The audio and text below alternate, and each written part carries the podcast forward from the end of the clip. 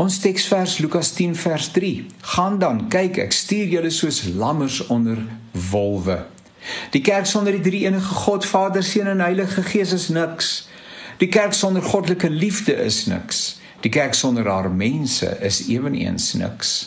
In die afgelope tyd het kerkvergaderinge aandag gegee aan die vraag of aanlyn kerk steeds as 'n erediens verstaan kan word. En daar's besluit om die saak te verwys en daaroor 'n besluit te neem by 'n volgende geleentheid. Kerke het hulle prosedures en dit moet gerespekteer word of soveel tyd geneem moet word om by klarigheid uit te kom.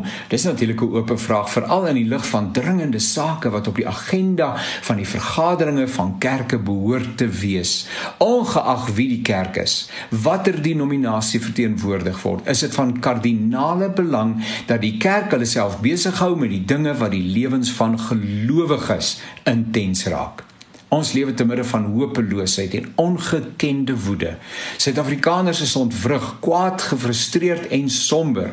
Die konteks waarbinne ons onsself bevind is toksies en selfs lewend lewensbedreigend. In ons eie omgewing, net 'n paar minute terug is gepoog om 'n wa met SASSA uitbetalings te kaap. Honderde skote is afgevuur. Die poskantoor is daar naby. Ek was juis op pad na die poskantoor, nie dat jy deesdae 'n poskantoor kan vind nie, maar om 'n posstuk by die poskantoor wat nog bestaan te gaan versend. Wie weet kon wat kon gebeur het as ek 'n paar minute vroeër in die omgewing was. Dis ons wêreld. Dis onvriendelik en gevaarlik. En in so 'n wêreld word Christene geroep om sout en lig te wees. Die geleenthede is daar. Immers, Jesus het self in 'n donker tyd in die volk Israel se geskiedenis na die aarde toe gekom.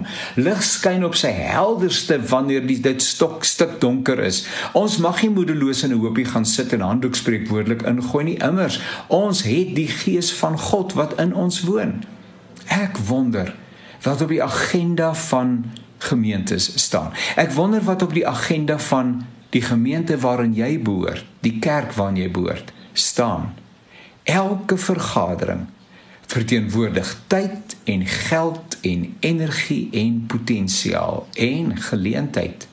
En sonder om die een te los, kan die kerk ten minste net soveel aandag gee aan die ander knelpunte in ons samelewing.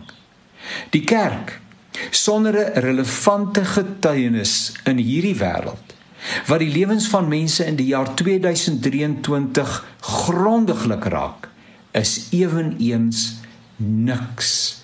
Heeltemal niks